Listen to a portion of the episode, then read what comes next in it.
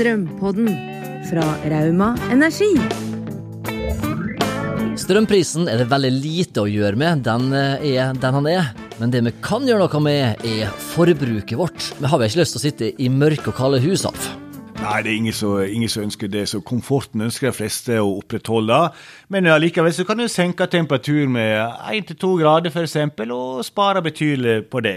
Vi begynner med varmvann, som eh, alle må ha.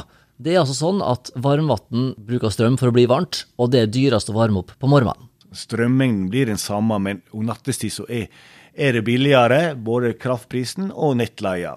Og det samme gjelder da elbilen. Akkurat samme gjelder for elbilen nå. Å sette den på lading etter klokka ti om kvelden. Da treffer du de rimeligste timene, og du lader da nattestid, og den er oppladet til du skal på jobb om, om morgenen. Så ser jeg at eh, har snakka mye om nattesenking av varme i huset. At det kan være lurt, da, sant? har vært eh, sagt før. Men nå er det kanskje blitt litt omvendt? Ja, nå er det blitt omvendt. Det var jo sånn klassisk råd tidligere at du drev med nattsenking på panelovner, men nå er det faktisk slik at det, det er så stor forskjell på strømprisen på dag og natt nå at det, det lønner seg i mange tilfeller å varme opp på nattestid. Ja, det er litt artig å tenke på da, at kanskje varmekablene bør stå på, på badet sånn fra tre til fem om morgenen ganske heftig, og så heller skru av litt på dagtida. Ja, det, det er et godt tips. Kjør opp varmen nattestid, og så har du da en tidsur lignende, så kobler ut når klokka er i sju-åtte om morgenen, så har du truffet de rimeligste timene. Og det er klart, varmekabler det blir magasinert varmen i betongen, så det holdes utover dagen. Og så kan det slå inn igjen i fem-seks-tiden om, om, kvelden. Det her er jo ganske mye penger å spare til, vet du. Ja, du, du blir jo ikke millionær på dette her, men her ligger absolutt en gevinst, da. Det sier vel at én grad ned i huset kan spare 5% på regninga? Ja, 5% på regningen, det betyr en del på, på året, det.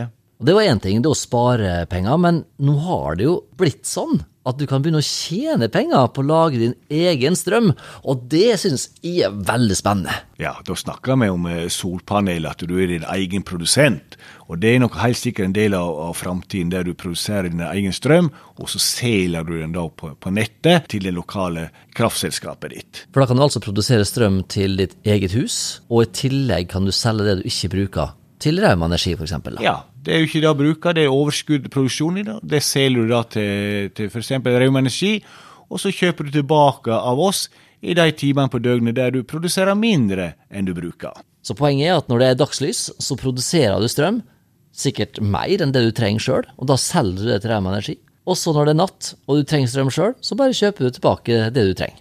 Og så er jo det slik at det forbruket det er jo mindre sommerstid. Så, så der, i de periodene der vil du få et stort salg til det lokale energiselskapet.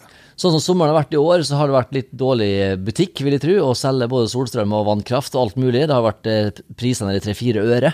Eh, men sånn som utviklinga virker å bli nå, så skal nå det kanskje fort bli lønnsomt dette med å ha solceller på hvert et tak.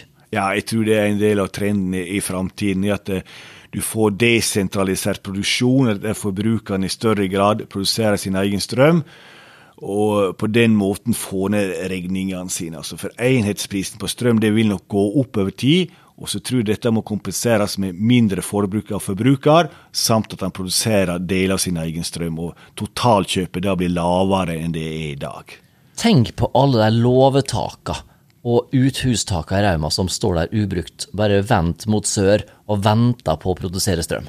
Ja, Det ligger et stort potensial der. altså Veldig stort potensial i den type bygg. Det er jo veldig spennende det her, og kostnaden er jo selvfølgelig det er jo en kostnad, men samtidig så er det et eh, oppside her. Og de tallene jeg har sett, viser jo at du kanskje kan nedbetale et sånt anlegg på sju-åtte år. Ja, sånn grov eh, hovedregning, så en plass mellom sju til ti år, så har nok du betalt ned den type anlegg. Og i tillegg da så har jo du òg Enova-støtte på solcellepanel. Det er jo 2000 kroner per installert kilowatt, og engangsstøtte for tiltak på 7500. Så hvis du da har et anlegg på 10 kilowatt, da, så vil du få støtte på 27 500 kroner fra Enova. Og det er over 10 det av totalkostnaden? det? Ja, det er i overkant av 10 av totalkostnaden. Så har en mulighet og plass til å smelle opp et eh, solcelletak, så er det kanskje lurt å ringe Rem Energi og høre om det kunne vært en idé? Ja, det anbefaler jeg absolutt å, å se på. Eh, nå har den etterspørselen vært veldig lav, men det skyldes nok det at prisene våre i dette området her har vært lave. og Men eh, prisene her vil nok løftes over tid her, og det, de kommer nok etter det vi ser i Sør-Norge. Selv om det kanskje ikke kommer på det nivået, så vil vi nok få et løft framover. Hvor høy bør strømprisen være før det er lønnsomt med solcellepanel, tenker du? Nei, altså hvis du, hvis du regner 50 øre da, i, i kraftpris, så betaler du dette her ned i løpet av en tiårsperiode. Så hvis vi begynner å snakke krone, 1,5 krone kilowatten, som det fort kan bli, da begynner virkelig å, nedbetalingstida å gå ned. Ja, da vil du eventuelt halvere nedbetalingstid. Men så har du en kraftpris på, på 50 øre og nettleie på en eh, 20-25 øre, så er det nedbetalt i løpet av en tiårsperiode. Mm. Og da har du plutselig gratis strøm, eller du kan eh, fylle opp lommeboka litt med strøm som du selger til Rauma Energi. Ja da, da har du det, og så har du samtidig gjort et miljøtiltak. Ja, Det skal jeg ikke glemme.